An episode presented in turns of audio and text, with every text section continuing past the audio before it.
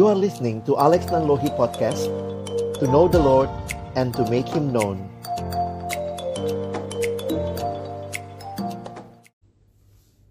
Halo, selamat malam teman-teman. Selamat malam, Ketemu lagi dengan kami berdua, Alex dan Debbie. Iya, teman-teman malam ini kita pingin sharing gitu ya Dengan teman-teman semua. Juga berharap kalau mungkin ada yang punya sharing, pengalaman atau pertanyaan silahkan ya. Kalau ada yang punya cerita, punya cerita juga boleh gitu ya. Mau join sama kita juga silahkan gitu ya. Nanti bisa di invite gitu. Nah kita lagi pengen ngobrolin apa deh malam ini?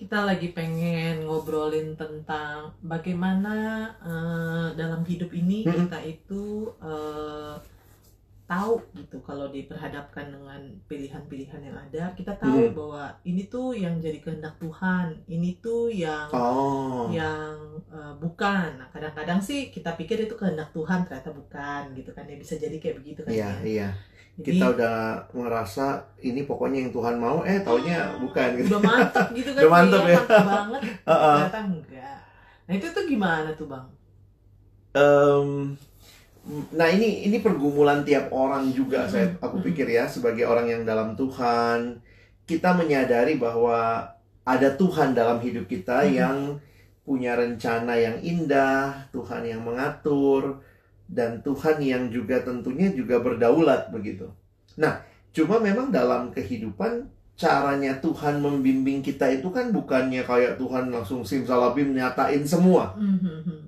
tapi yang aku hayati itu bahwa Tuhan memberikan kebebasan. oke Tuhan memberikan kepada kita kesempatan untuk memilih.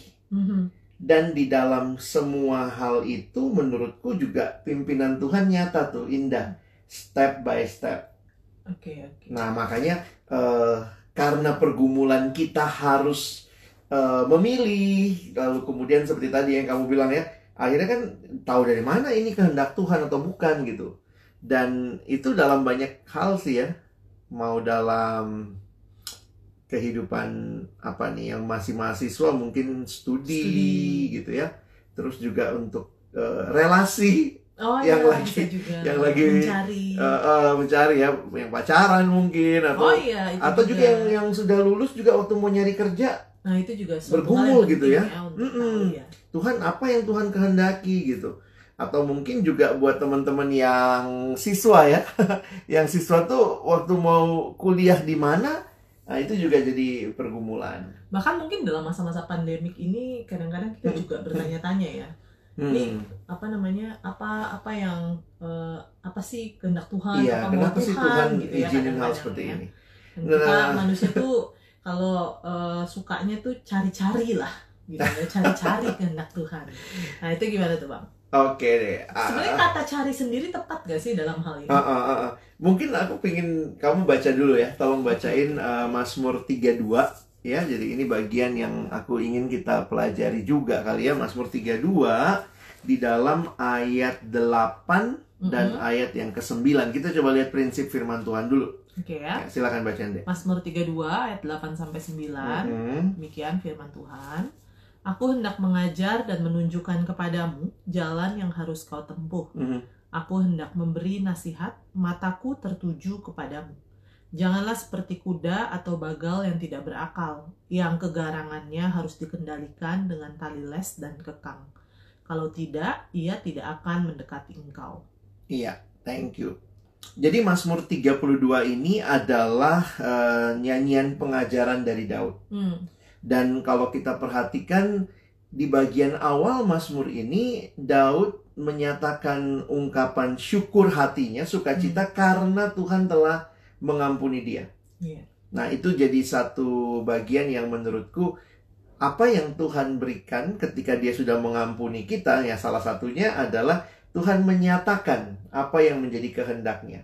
Nah, makanya di dalam tadi lah pertanyaanmu ya, mana yang lebih tepat ya? Mungkin ini ini bukan masalah. Kadang-kadang kalau istilah bisa dipertukarkan ya. Yes. Tapi aku lagi lihat ini masalah masalah si- kosakata. ya, ini masalah sikap hati ya. Oke. Di dalam Alkitab eh, atau mungkin di dalam dunia dunia kekristenan Mhm. Ada dua cara kita menyebut atau dua istilah yang kita pakai. Yang Hmm. pertama istilah mengetahui kehendak Allah, lalu yang kedua mencari kehendak Allah. Oke. Ya, dalam bahasa Inggris yang satu mencari itu finding God's will. Nah, sementara yang satunya knowing God's will.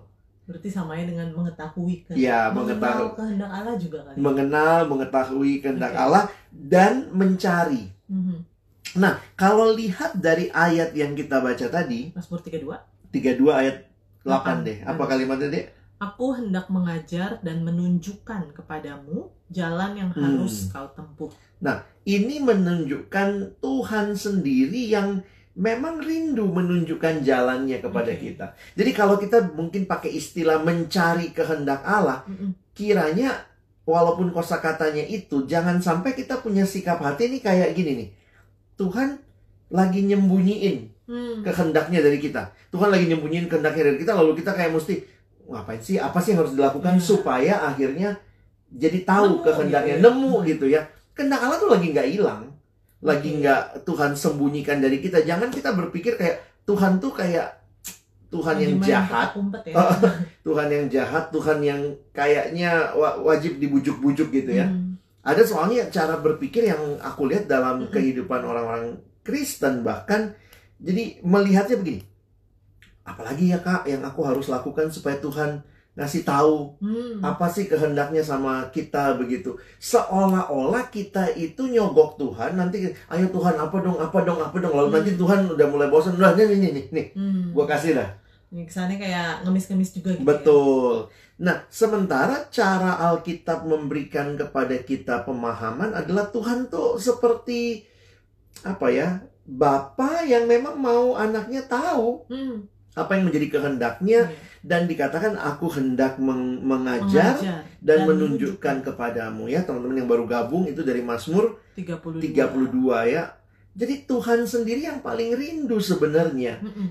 Kadang-kadang kita pikir kayak kita yang rindu lalu Tuhan itu karena nyembunyiin ya Tuhan tuh kayak minta eh, kita nyogok dulu atau kita doing good dulu baru kemudian dia menyatakan kehendaknya.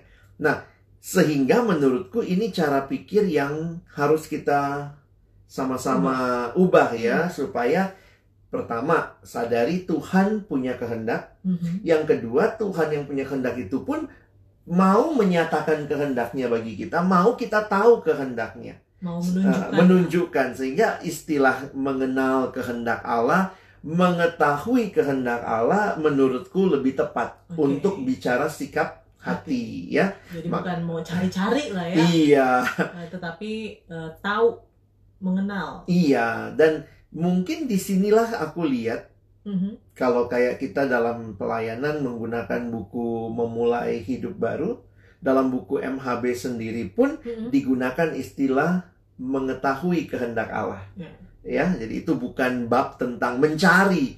Lalu seolah-olah ada tips bagaimana cara mencari. Ini langkahnya satu dua tiga. Kayak cari gitu. harta karun. Ada petanya. Hmm. Nah, jadi itu cara pikir yang pertama. Nah, lalu yang kedua adalah melihat begini.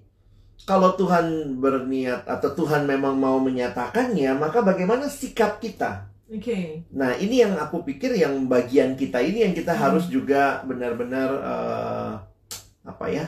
Lakukanlah. lakukan lah karena itu memang bagian Hmm. kita. Nah, coba bacain lagi ayat yang kesembilannya tadi, Dek. Janganlah seperti kuda atau Mhm. bagal yang tidak berakal, Mm-mm. yang kegarangannya harus dikendalikan dengan tali les dan kekang. Kalau tidak, ia tidak akan mendekati engkau. Nah, waktu perhatikan menarik ya, kenapa dikaitkan sama kuda atau bagal yang tidak berakal? Hmm. Nah, yang ada dua hal menurutku di sini ya. Yang pertama adalah eh, kuda atau bagal itu ya hewan yang bodoh gitu ya, Hmm. maksudnya bagal khususnya Mhm. yang tidak berakal ini mau menunjukkan bahwa Tuhan membimbing kita juga melalui apa yang kita pikirkan atau melalui pertambahan eh, pemahaman kita. Hmm. Tentu ya kalau kita pahamnya sedikit, jadi kita juga nggak tahu nih apa sih yang Tuhan mau misalnya. Kalau kita misalnya belum terbiasa baca firman Tuhan, Hmm. belum terbiasa hidup dekat dengan Tuhan, kita jadi nggak tahu Tuhan maunya apa karena beberapa kali kan ada yang bilang begini, jangan mimpi tahu kehendak Tuhan dengan Alkitab yang ditutup. Oke.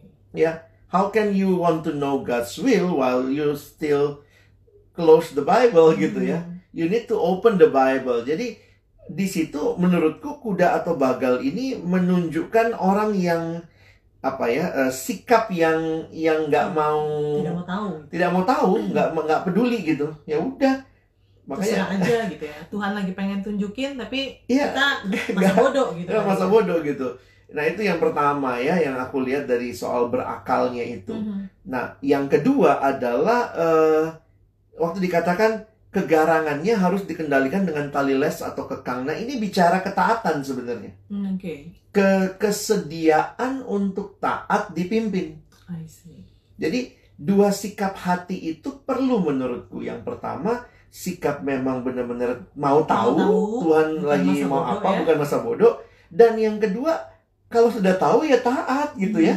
Ada juga ya yang cuma pengen tahu. Iya pengen, pengen tahu. Tapi- Begitu udah tahu Kayak konfirmasi doang. Kalau misalnya sesuai dengan apa yang dia mau ya dia baru lakuin. dia lakuin. Kalau enggak ya udah tetap dia lakuin yang yang dia mau gitu. Makanya kalau seperti itu kan sebenarnya kamu sedang tidak meng, tidak tidak mengetahui kehendak Allah tapi kamu lagi ngotot sama kehendak, kehendak sendiri, Cuman gitu. butuh konfirmasi aja. Mm, mm, mm. Butuh konfirmasi bahwa ini benar gitu ya. Oke. Karena- Nah, coba kita elaborasi lagi ya, Hmm, Dek. Oke. Jadi yang pertama tadi nih, ya kan ini kan bagian kita. Hmm. Jadi apa yang harus kita lakukan dengan bagian kita? Menurutku yang pertama adalah menggunakan akal budi kita yang. Tuhan kasih, benar-benar rindu mengetahui kehendaknya dan mungkin penting juga untuk coba baca Amsal ya, Amsal 15 tadi ya.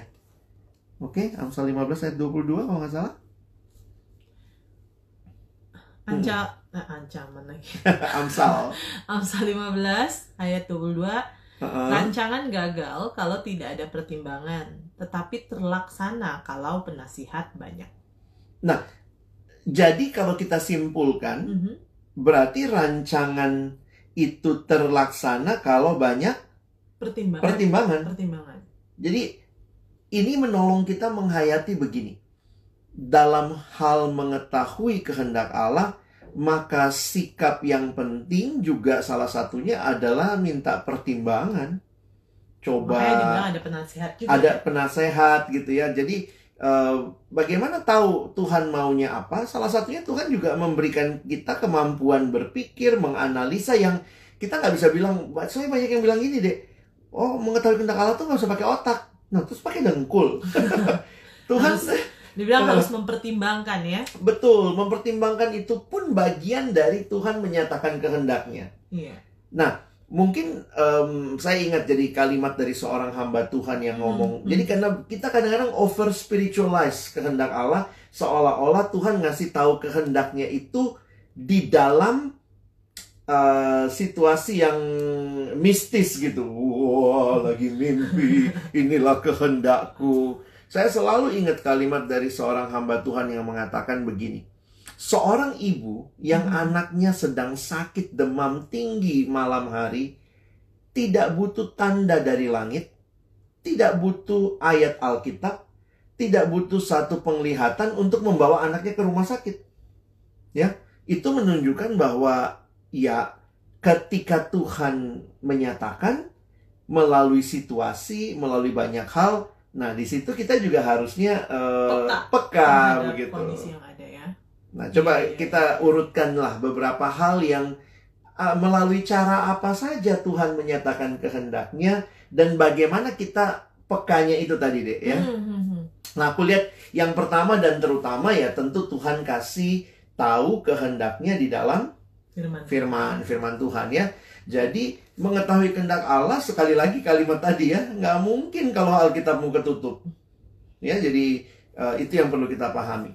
Nah, cuma kita mesti sadar juga bahwa bicara tentang Alkitab firman Tuhan tidak semua hal dalam Alkitab itu yang kita mau tahu kehendak Allah Tuhan nyatakan dengan sangat Jelas, Jelas. Secara langsung lah gitu ya.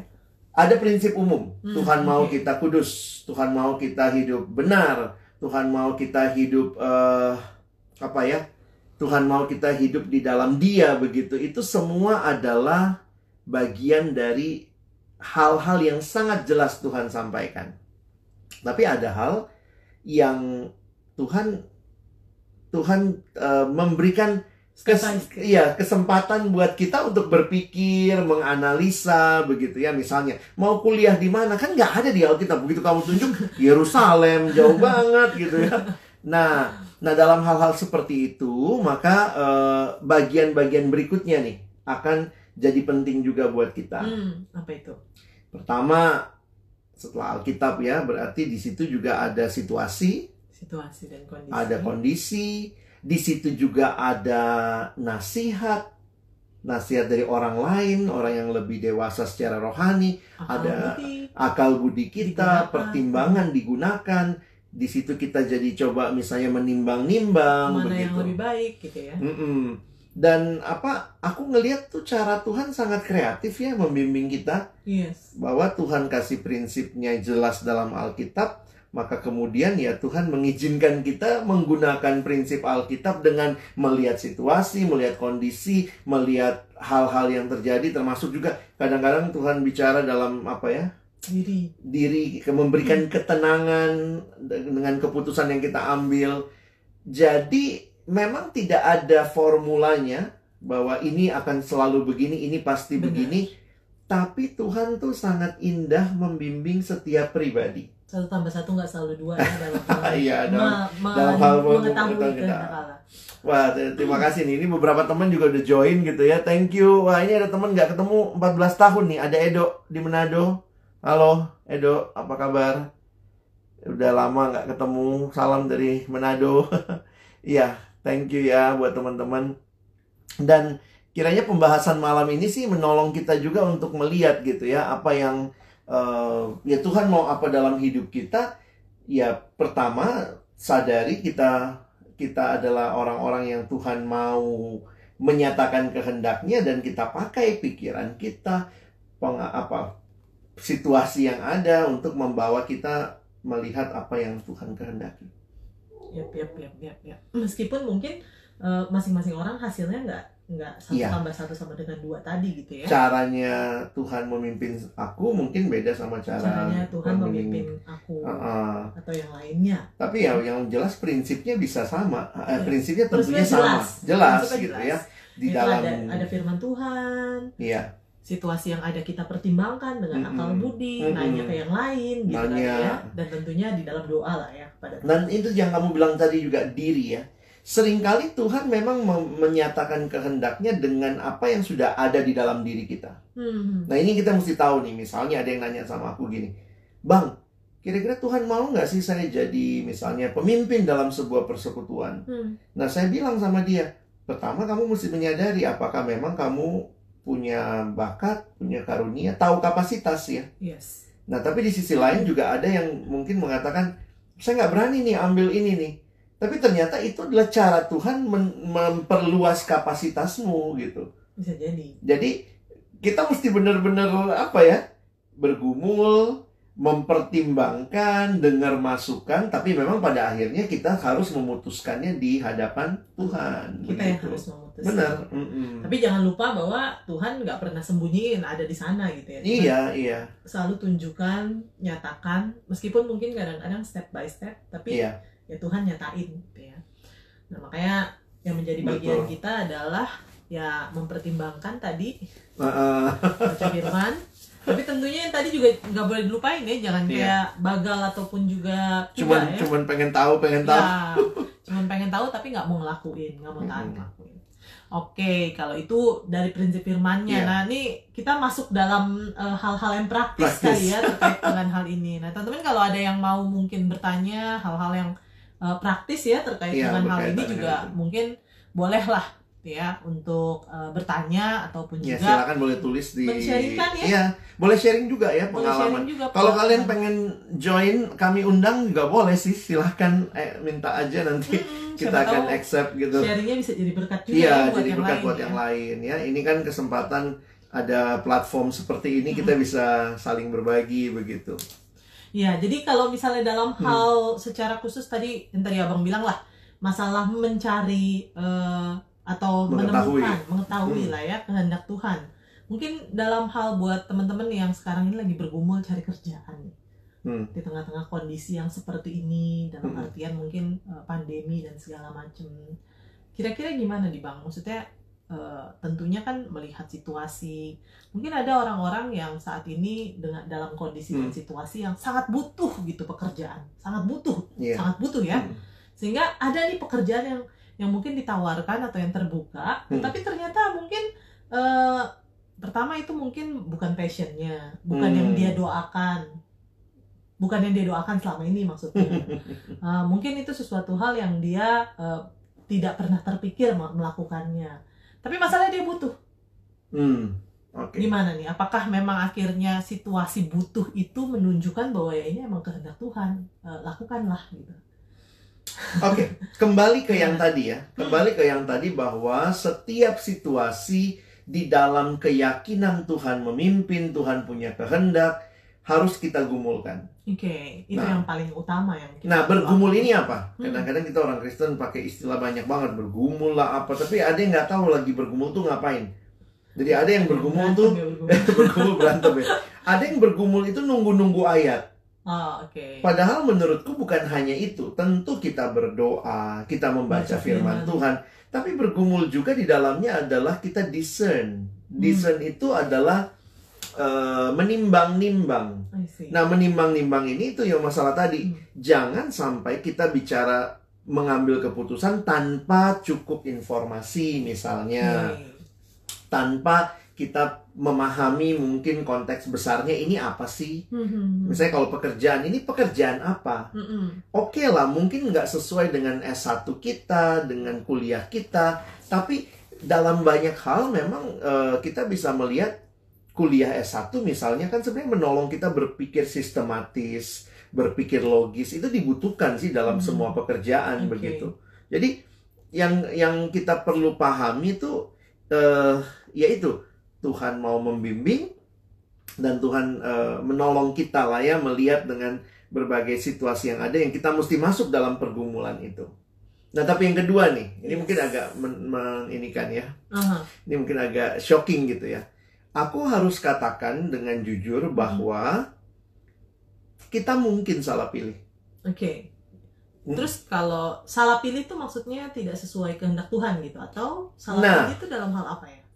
Di sini pun kita harus bergumul juga karena menurutku begini ya. Hmm, Kita kadang-kadang kan eh, kenapa aku pakai istilah itu karena begini. Kita suka bilang saya nggak mau salah pilih. Bang, jangan sampai nih salah memilih. Hmm. Saya nggak memilih apa yang Tuhan mau.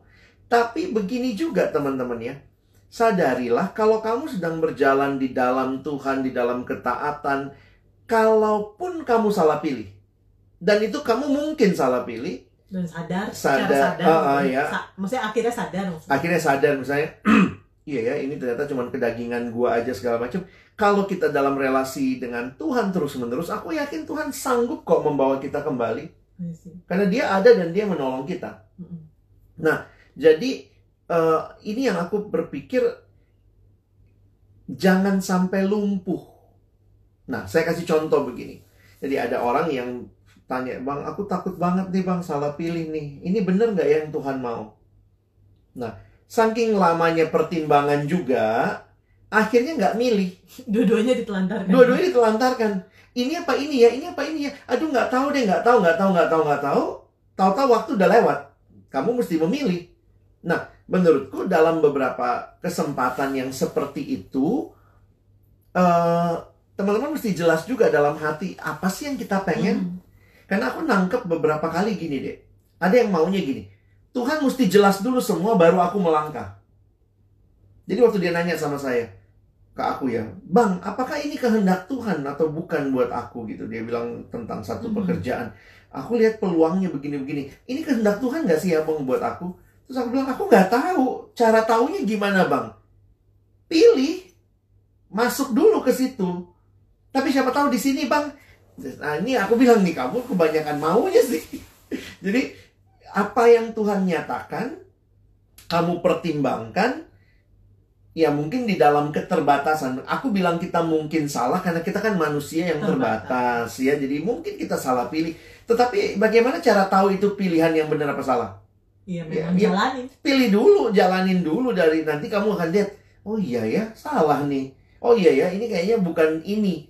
Atau bahkan eh, kita bisa jadi makin sadar, makin diteguhkan, emang ini. Nah, di situlah aku melihat hal yang ketiga nih, Mhm. ya prinsip yang ketiga. Kan yang kedua tadi kan kita mungkin salah. Yang ketiga adalah kita bisa percaya kepada Tuhan yang punya rencana yang terbaik buat kita. Jadi maksudku begini, pilihan kita yang sekali itu Hmm, itu bukan berarti seluruh hidup kita. Oke. Karena hidup kita tuh lebih besar daripada sekadar Pilihan satu pilihan itu. Heeh. Ya itu yang kita juga kan kita baru nonton ya, baru nonton film di mana dia pun nggak tahu ini kehendak Tuhan apa tidak. Tapi ternyata di balik pilihan yang dia buat dan itu gagal ya. Gagal. Dia sangat yakin itu kehendak Tuhan tapi ternyata waktu dijalaninya gagal. Akhirnya ngelihatnya gini, Tuhan tuh sanggup membawa hasil yang di luar yang dia pikirkan. Iya. Kayak Roma 8 ayat 28. Iya, kita tuh terbatas berpikir yang baik menurut kita. Tapi Tuhan tuh sanggup gitu loh. Hmm. Bahkan gini ya teman-teman, sesuatu yang buat kita bahkan itu salah pilih pun, aku tetap yakin kok Tuhan sanggup menjadikan itu eh Kebaikan. Kebaikan, ya, ya. uh, uh. Katanya Roma. eh, Nah, makanya kebaikan yang menurut siapa gitu ya. Film apa tuh katanya? Nah, masalahnya adalah gini bang, Uh-uh. kalau tadi itu kan pekerjaan. Iya. Masalahnya kalau mencari teman hidup loh. Kalau salah pilih itu gimana gitu kan? Ada yang bilang katanya salah pilih. Nggak boleh dong kalau misalnya dalam hal mencari teman hidup kita ya udah Hmm. ya. eh, ya udah kita Yang mana jalanin aja gitu. aja dulu gitu kan? Nggak mungkin kan? Nah, tapi masalahnya gini, tuh? Dek, kan kita ada waktu pacaran. Nah, Nah, dan menurutku dalam pacaran itu masih mungkin putus. Iya. makanya dalam masa ah. pacaran itu Kok jadi emosi gue ngegas? Soalnya kalau misalnya tiba-tiba oh, oh iya udah kalau gitu dijalanin. karena ada orang-orang yang punya pemahaman begini. Kalau saya udah doakan, saya udah jalan sama dia, ya udah dialah selama-lamanya. Hmm. Padahal baru pacaran, Dek. Dipukul di pacaran, eh, dikasarin. Tapi saya nanya, kok kamu nggak tinggalin, nggak putus aja? Ya bang kan ini jawaban doa.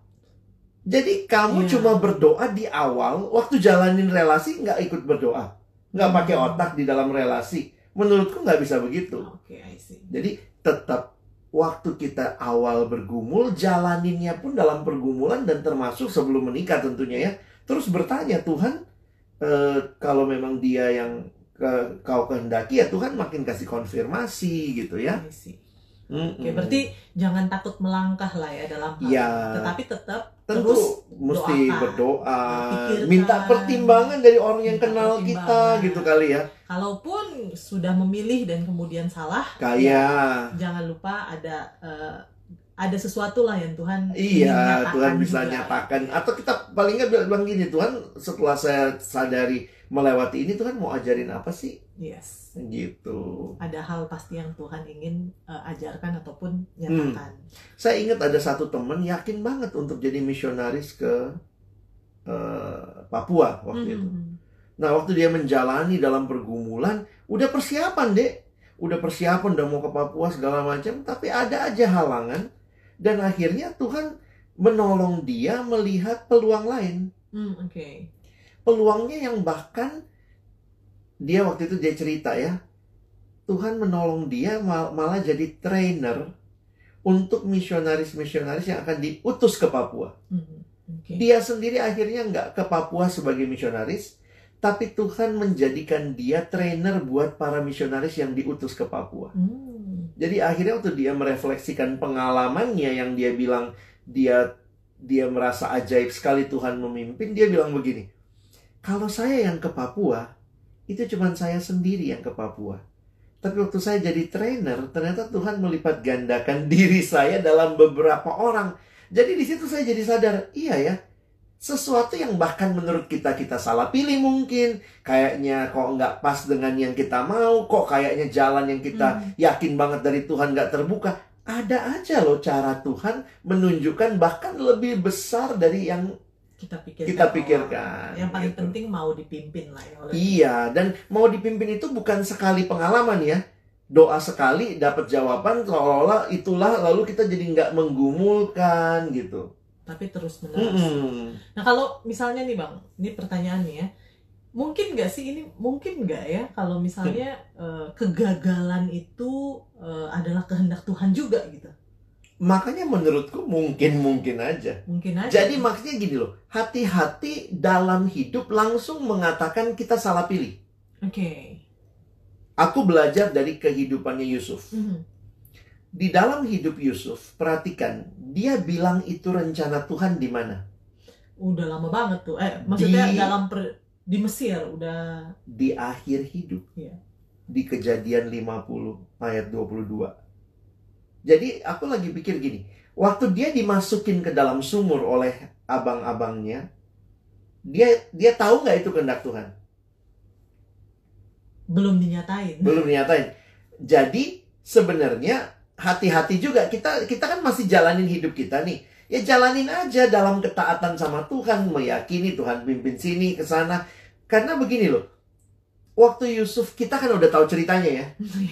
Oh ini rencana Tuhan. Memang dia mesti masuk sumur dulu. Habis masuk sumur di rumah Potifar. Habis di rumah Potifar nanti dia pergi ke penjara. Kita kan udah tahu ceritanya. Jadi kita bilang, oh, itu rencana Tuhan, rencana Tuhan. Hmm. Tapi lihat cara Alkitab menceritakan, tidak dikatakan itu rencana Tuhan. Iya. Bahkan sebenarnya nggak dicatat ya. Yusuf komplain nggak waktu itu? waktu dia dibuang. Apa waktu Pasti dia... pasti dia komplain tapi nggak Menurut menurutku ya juga ya dalam penafsiranku pasti Yusuf manusia lah. Iya.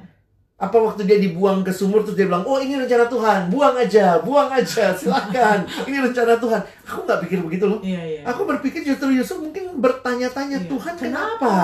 Aku harus Bukannya melalui ini. itu Ah, ah, harus dipuji-puji dia akan jadi gitu ya. yang terutama ya. Tapi dipimpin Tuhan itu ya udah taat aja dulu lah jalani dan lihat di akhir hidup loh baru dia bilang rencana Tuhan. Iya, iya. iya. Kamu mereka-rekakan yang ya. eh, yang jahat, tapi Tuhan membuatnya jadi kebaikan. Jadi kalau menurutku sekarang ini ya bukannya berarti kita nggak jangan merasa bisa milih sembarangan ya. Mhm. Bergumullah sungguh-sungguh. Tetapi waktu kamu menjalani ya nikmati lah gimana step by step ya. Nah ini Katanya jangan apa ragukan dalam ya apa Gelap. yang kau yakini Ini di dalam dalam terang, jangan pernah jangan kau ragukan dalam gelap. maksudnya kalau udah Hmm. didoakan Iya, udah jalanin. Tuhan teruslah nikmati pimpinan Tuhan Iya. jadi kehendak Tuhan bukan hanya dalam artian eh, sekali berhasil pasti itu kehendak Tuhan gitu. Iya, betul. tapi mungkin menjalani kegagalan di dalamnya ada kehendak Tuhan di mana Tuhan ingin ngajarin Tuhan kita ajarin sesuatu, ya. iya. Menurutku itu jauh lebih baik sikap seperti itu sih. Nanti itu mirip banget sama pengalaman hidupku. Hmm. Aku kan merasa salah jurusan. Iya. Eh, pertama maunya maunya IPA, eh maunya teknik. Yes. Nah tapi waktu itu kebuka kesempatan untuk pilih jurusan di Universitas Indonesia. Aku dari daerah, jadi waktu dibilang bisa ke Universitas Indonesia yang pengen juga gitu ya. Apalagi bebas tes, jadi pilih lah. Nah waktu itu memilih-milih, aku akhirnya karena nggak tahu, kurang informasi itulah ya salah pilih, bener salah pilih tuh. Aku pikir yang mana ya? Terus aku lihat ada jurusan komunikasi. Aku pikir belajar telekomunikasi ya pilih lah itu kan IPA pikirnya begitu ya. Eh ternyata itu IPS dong. Dan aku sendiri yang lolos masuk dari sekolahku dan itu kan ada ini ya.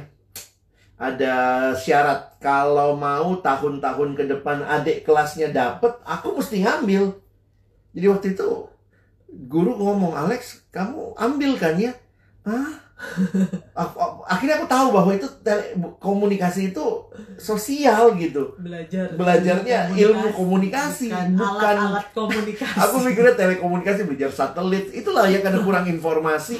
Nah, teman-teman, tapi sekarang di- dibilang gini. Akhirnya kan aku masuk ilmu Hmm. komunikasi, ambilnya humas. Kalau aku refleksikan sekarang ke belakang, dulu aku bilang tuh salah jurusan. Hmm. Tapi kalau sekarang justru itu cara Tuhan nyiapin juga ya. Ngelihat Tuhan pim- pimpinan Tuhan. Iya, sekarang misalnya aku jadi orang yang sering membawakan firman, ber- berbicara depan orang banyak.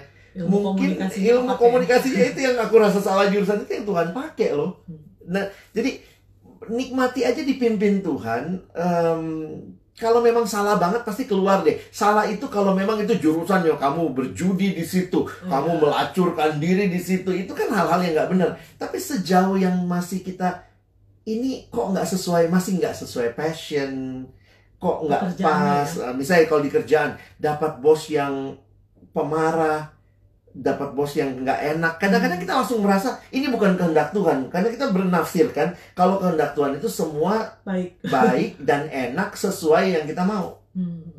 Padahal banyak kali mungkin Tuhan bilang yang kamu mau kan kamu udah tahu. Saya mau yang kamu belum tahu. Iya. Karena Tuhan mau expand lagi eh, ini kita kali. Aduh, itulah teman-temannya. Ini ada pertanyaan tadi, Dek. Silakan bacain. Hmm, dari Steven ini. Kalau kita melakukan sesuatu berhasil, itu bisa mungkin bukan kehendak Tuhan kah? Mm-mm. Misal aku ambil marketing dan berhasil jadi bisnismen hebat, tetapi sebenarnya Tuhan mau aku jadi guru SD. Gimana tuh? Sebenarnya eh, kalau Steven dengerin lagi yang barusan kita ngomongin ya, sebenarnya eh, itu itu pergumulan sih. Jadi benar-benar bisa melihat begini. Aku aku meyakini memang pasti Tuhan eh, mem- meng- apa ya Mempersiapkan. mempersiapkan kita. Nah persiapannya ini yang harus kita lihat juga nih. Sehingga nanti poin saya adalah carilah pekerjaan, misalnya kalau kita Mhm. bicara job ya, yang paling memenuhi eh, se- sebagian besar passion yang Tuhan kasih. Nah, tapi perhatikan ya, Mhm. tidak semua eh, passion kita itu bisa tertampung dalam satu Pekerjaan. pekerjaan. Nah ini kami udah sempat bahas ini nanti teman-teman lihat ya di WA eh di IG story ini tentang Uh, eh, IGTV ya tentang calling bahwa calling itu tidak equal sama job. Job ya. Jadi mungkin kamu bisa daftarin callingmu ya. Ih kayaknya saya dikasih calling sama Tuhan bekerja dengan anak kecil. Saya juga di eh, apa seneng jualan, seneng untuk eh, berelasi dengan Hmm. orang lain. Maka mungkin nanti jobnya kamu adalah jadi marketing. Hmm. Tapi kamu seneng ngajar anak kecil ya udah ngajar sekolah minggu. Hmm. Jadi itu bisa kamu dapatkan bukan hanya dengan satu job. Nah itu kira-kira sih seperti itu sih deh. Kalau itu tuh yang dia bilang Mm. eh, berhasil, kalau tadi kan sesuatu Mm. gagal, apakah itu bisa jadi kehendak Tuhan? Kalau sesuatu berhasil, bisa mungkin nggak itu bukan kehendak Tuhan? Nah, kalau aku bertanya gitu, Mungkin bisa ya? Jadi eh, pintu yang terbuka belum tentu kehendak Tuhan kehendak Tuhan. dan pintu yang masih tertutup belum tentu juga bukan kehendak Tuhan. Itu makanya dipimpin Tuhan tuh nggak nggak pakai teori matematika tapi eh, penyerahan diri hari demi hari gitu.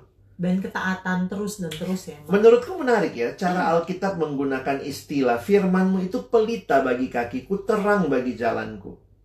Pelita itu kalau kita bawa pelita bisa kelihatan berapa meter sih di depan? Hmm, hmm, hmm, hmm, hmm. Paling juga 2 meter. Hmm. Ada apa di meter ketiga?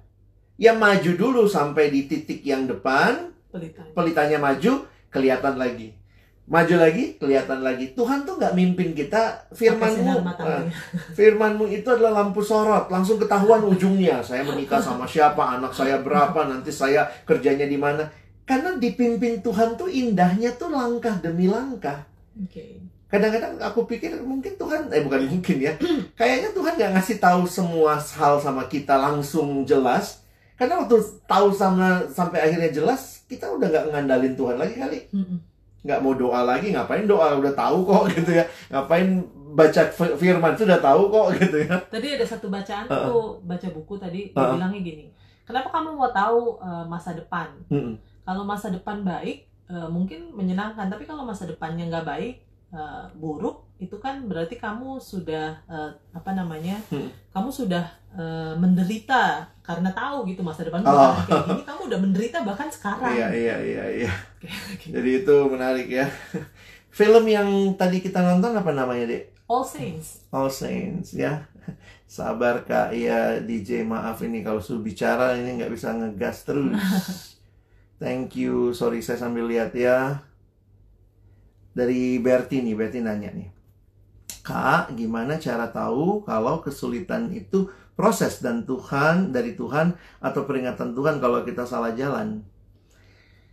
Kalau kamu bicara, eh, kalau bicara kedekatan dengan Tuhan, kamu akan tahu sih, Dek. Menurutku ya.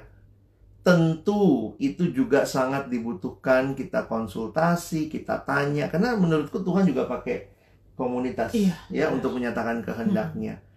Sehingga memang tipis bedanya ya buat beberapa orang. Eh, karena menurutku gini, kita dapat uang yang banyak belum tentu juga itu berkat. Siapa tahu itu cara Tuhan tanda kutip ya meng- me- menguji kita dengan kekayaan apakah hati kita melekat sama itu. Jadi hati-hati menafsirkan situasi kondisi kita harus bisa melihatnya dengan lebih utuh. Iya, dalam dalam Hmm. relasi yang baik lah dengan Tuhan gitu ya. Iya. Nah, bisa jadi ya eh, kesulitan-kesulitan itu memang untuk eh, menolong menguji iman. Ya, tapi Iya. memang benar juga kesulitan-kesulitan itu bisa jadi juga adalah eh, apa namanya cara Tuhan untuk bilang keluar gitu kan ya. Iya. Makanya ada kutipan yang bilang begini ya waktu dia me- me- apa menyoroti karena ini berkaitan sama apa?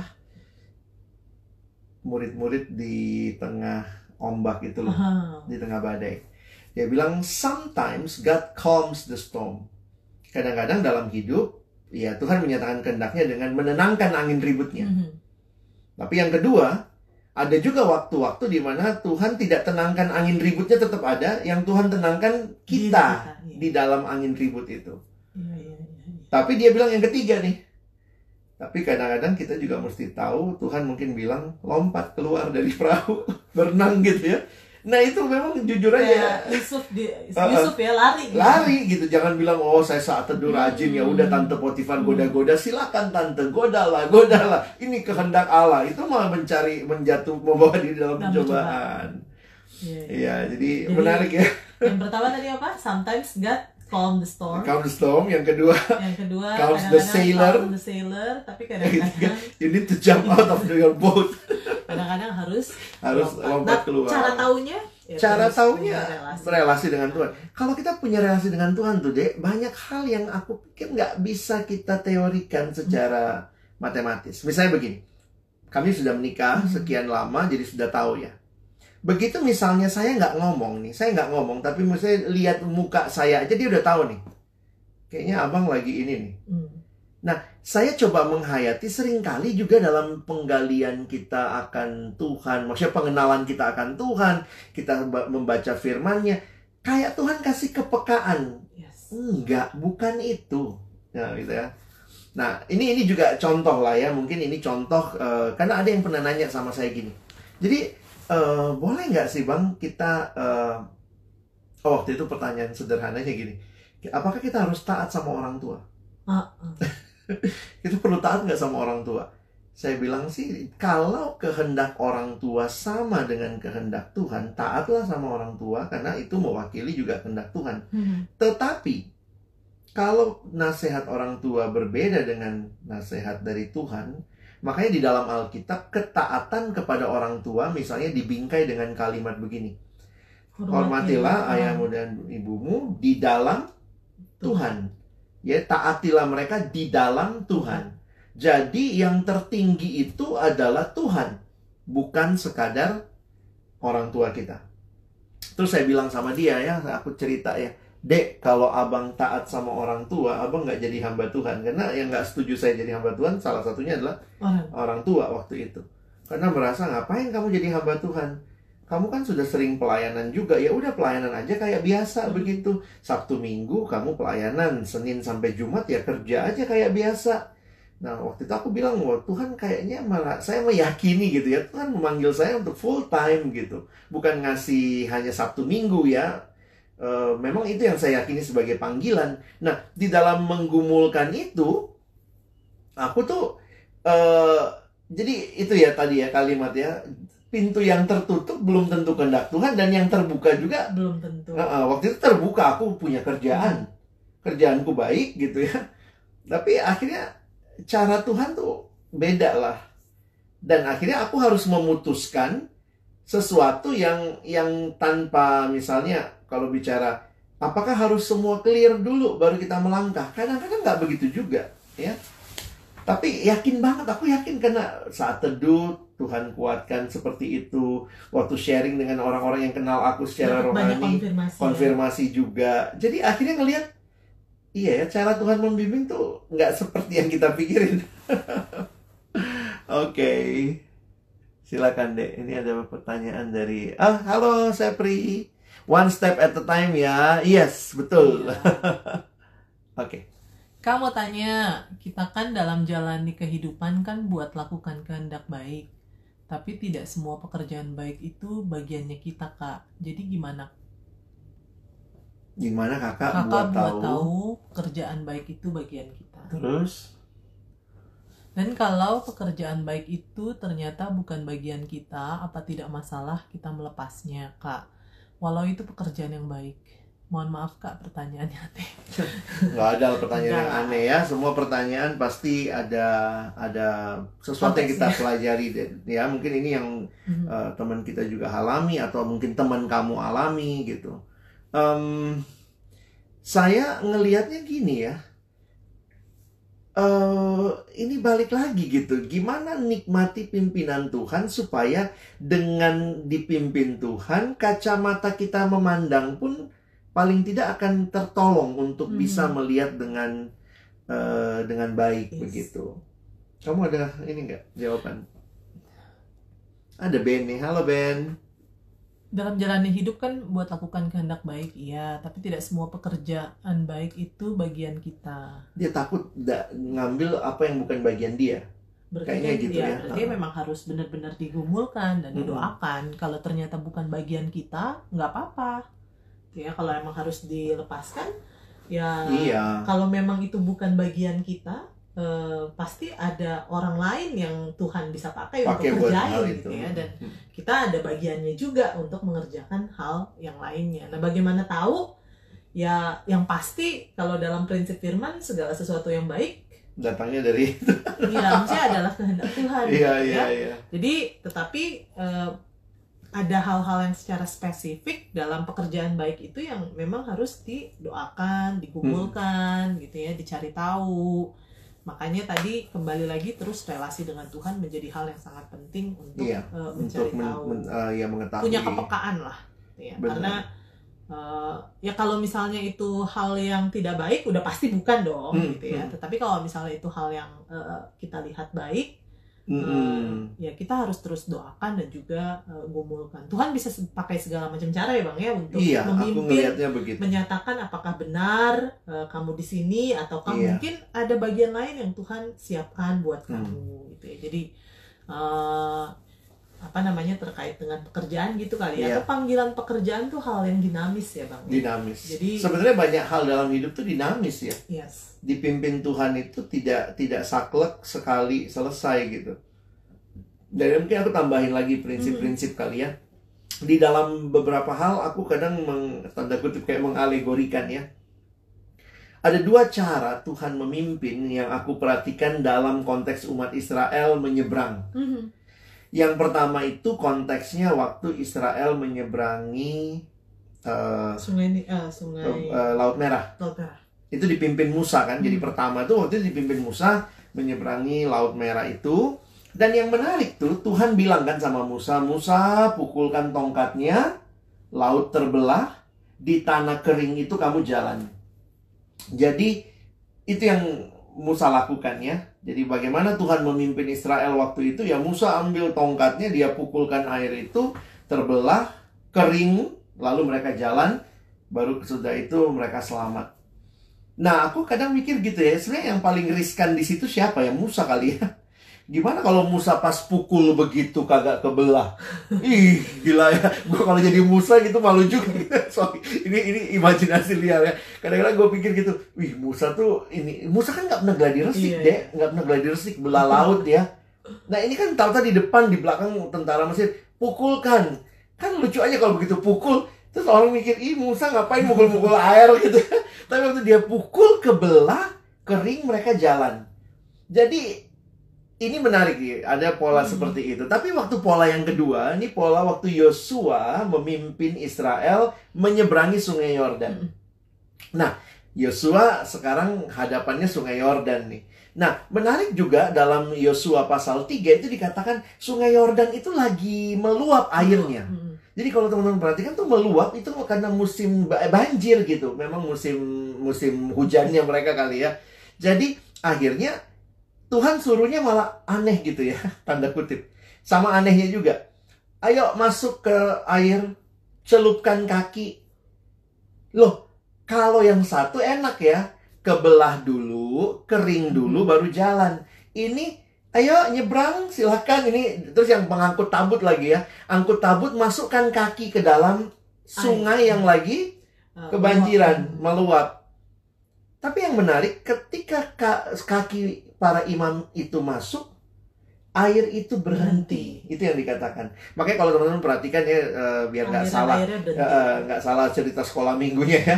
Jadi Sungai Yordan tidak dibelah kayak Musa membelah laut ya. Sungai Yordan itu airnya berhenti dari atas, dari hulunya. Hulu ya itu. ya. Hulu, eh, bawah hilir kan Hilir. airnya itu berhenti dari hulunya. Jadi stop. Lalu kering, baru mereka jalan. Nah, pengangkut tabut tuh tinggal di di Tengah-tengah. tengah, di tengah. Nah, jadi kadang-kadang aku mikir gitu, yang satu tuh kering dulu baru jalan, yang satu Tuhan bilang masuk dulu baru, Baru keringin dikeringin. gitu ya. Kadang-kadang dalam hidup tuh aku ngeliat Tuhan bisa membimbing kita dengan dengan cara yang ajaib kok.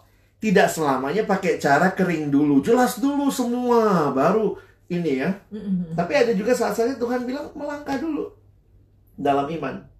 Iya, iya, iya. iya. Jadi- kembali lagi relasi dengan Relasi dengan Tuhan akan menolong kita ya kita mau pakai yang mana atau kita dipimpin ke yang mana gitu ya. Siap. Tapi yang menarik dua-duanya baik di dalam peristiwa Sungai Yordan maupun juga Laut Merah Tuhan hadir Hmm. dan Tuhan yang memimpin ya. Jadi apa pun yang Mm-mm. dikerjakan saat Tuhan hadir, Tuhan memimpin. Ya. Mm-mm. Nih yang terakhir mungkin Dek, ini tinggal beberapa menit. Iya. Setelah mengalami beberapa konfirmasi nih kak, ternyata jawabannya tidak. Apakah konfirmasi yang kita dapat itu salah? Atau kita yang kepedean? Ya silahkan mungkin buat siapa teman kita Ruth ya. Apakah kamu ada teman-teman yang kenal kamu gitu ya, yang mungkin juga bisa kasih pendapat? Karena jujur aja ini yang aku bilang tadi ya, dipimpin Tuhan ini juga eh, mungkin gini, ini buat teman-teman dalam Hmm. exercise ya. Kalau kita mau exercise dari mana, bagaimana sih cara Tuhan menyatakan kehendaknya? Oh banyak banget caranya semua yang pertama dan terutama menurutku sekarang karena kita punya Alkitab, maka pakailah Alkitab sebagai penuntun kita. Tapi kita bisa coba pakai prinsip yang tersebar di dalam kitab kisah para Rasa. rasul. Contoh, bagaimana Tuhan menyatakan kehendaknya? Siapa penggantinya Yudas? Kisah Rasul pasal 1 Matias. mengatakan Matias yang ganti. Dengan cara apa Matias kepilih? undi. Diundi. Jadi kadang-kadang juga gimana ya? Ini kehendak Tuhan apa enggak ya? Bisa jadi Tuhan pakai sesuatu yang kelihatannya sangat kebetulan. Nanti teman-teman lanjut lagi. Ada cara undi, ada cara penglihatan, mungkin juga kita bicara mimpi. Ada kan suka nanya, Kak, Tuhan masih bisa pakai mimpi nggak? Saya sih bilang kalau Tuhan bisa pakai, bisa. Tapi ingat sekarang sudah ada Firman. firman. Jadi mimpi kita pun harus jangan sok pede. Saya mimpinya gini-gini, pasti begini Tuhan mau. Sesuai nggak sama firman Tuhan gitu ya. Nah Hmm. itu yang kita jangan jangan mengandalkan mimpinya, tetapi bagaimana mungkin itu jadi cara Tuhan ngingetin kita kepada prinsip tertentu. Makanya harus disesuaikan sama Alkitab. Nanti di kisah Rasul 16, bagaimana cara Tuhan menyatakan kehendaknya? Rapat. Mhm. Eh kisah Rasul 15. 15. Council Yerusalem itu dari situlah mereka mengetahui dan menegaskan bahwa iya ya, bangsa lain pun diterima Allah. Kisah Rasul 16 itu Paulus pakai rapat tuh Hmm. untuk pergi ke mana? Menyeberang ke Filipi. Ya, ke Makedonia. Makanya dikatakan waktu itu mereka kemudian eh, setelah Paulus mendapat penglihatan itu, maka kami berkumpul dan dari situ memutuskan. Jadi kehendak Tuhan itu wah, Tuhan bisa pakai berbagai cara, Iya. ya. Nah, karena itu aku tadi bilang gini, coba buat Ruth ya, coba cari tahu juga dari teman-teman yang kenal kamu. Kamu tuh sedangnya sorry, sedang kepedean kah? Atau teman-teman juga bisa jadi Alasannya konfirmasi. apa juga? Maksudnya kenapa Iya, alasan kenapa mereka jawab kepedean? tidaknya Oh, apa iya. gitu. Dan itu mungkin bisa jadi pertimbangan. Pertimbangan, Iya. evaluasi juga Iya. ya buat kita. Maksudnya apakah itu alasan yang memang sangat-sangat Maksudnya kadang-kadang ada alasan-alasan alasan-alasan menjawab tidak karena memang memikirkan eh, anak ini dalam artian gue mau ini nih kerja di Papua tapi ternyata teman-temannya tahu lu tuh nggak bisa misalnya Iya. ngurus diri lu sendiri Iya. Nah, jadi tuh dalam concern teman-teman ngelihat, eh, aduh lu kasihan banget kalau ke sana. Nah itu kan, maksudnya alasan-alasan seperti itukah yang diberikan makanya mereka bilang Iya, iya, tentu nggak. ataukah ada alasan-alasan lain. Jadi mungkin Hmm. perlu ditanya dulu ya alasannya apa. Tapi tetap yang memutuskan adalah Iya, teman-teman. Diri sendiri. Ada juga yang dibilang, wah lu tuh anaknya nggak bisa urus diri segala macam, nggak mandiri, nggak mungkin lah pergi jauh dari orang tua. Hmm, Tapi dia memutuskan tetap pergi. Iya. Dan ternyata itu jadi cara Tuhan menolong dia untuk mandiri. mandiri dan segala macam. Ceritanya bisa beda, tapi Iya. sebenarnya gini, kamu yakin nggak bahwa Tuhan sedang memimpin dan kamu melangkah itu dalam keyakinan itu dan kalau aku pikir salah langkah, misalnya kamu akhirnya sadar kayaknya bukan ini deh, ya udah mundur. Balik, nggak nggak ada yang salah dalam hal itu menurutku ya. Dalam film yang kita tonton tuh salah satunya eh, dia yakin, tapi orang-orang di sekitarnya bahkan istrinya Nggak, mempertanyakan. nggak yakin. ya mempertanyakan Mm. ya jadi eh, nggak yakin lah ya Mm. dengan tapi dia tetap maju karena dia meyakini bahwa eh, Dia meyakini namanya, dari, Tuhan ya, ini adalah dari Tuhan Kayak dan tidak berhasil. gagal tetapi dalam kegagalan itu ada hal lain yang lebih Iya, yang baik yang yang baik yang Tuhan nyatakan. gitu ya, yang Tuhan berikan gitu ya jadi eh, nggak ya gimana ya gagal dalam hal yang kita pikir itulah Hmm. yang mau dilakukan tetapi ternyata ada rencana Tuhan yang lebih Iya, daripada iya, sekedar yang kita pikirkan Makanya aku selalu ingat kalimat itu ya waktu bergumul mengetahui kehendak Tuhan dan segala macam. Ada kalimat yang dikasih seorang uh, senior waktu itu. Kalau kamu punya rencana yang besar buat dirimu, kamu mau yang terbaik buat dirimu, apalagi Tuhan gitu ya. hmm. Tuhan yang adalah penciptamu begitu. Jadi memang kita harus terus ber- berelasi sama Tuhan, konsultasi sama Tuhan dalam kepekaan meyakini yang Tuhan mau begitu ya. Film oh kami nonton ini eh, All Saints. All Saints. filmnya film All Saints All Saints itu di Netflix ya. Iya ada di Ah, Netflix Jadi itu cerita tentang eh, pendeta yang jangan spoiler tapi ya Oh, iya. tentang pendeta lah ya dengan pergumulan dengan jemaatnya. iya Nah, di situ juga dia meyakini kehendak Tuhan ya, tapi bagaimana dia melihat pada akhirnya ada hal yang lebih besar daripada rencana dia. yes Ah, ah. Wah, ini kalau kita terusin bisa panjang nih.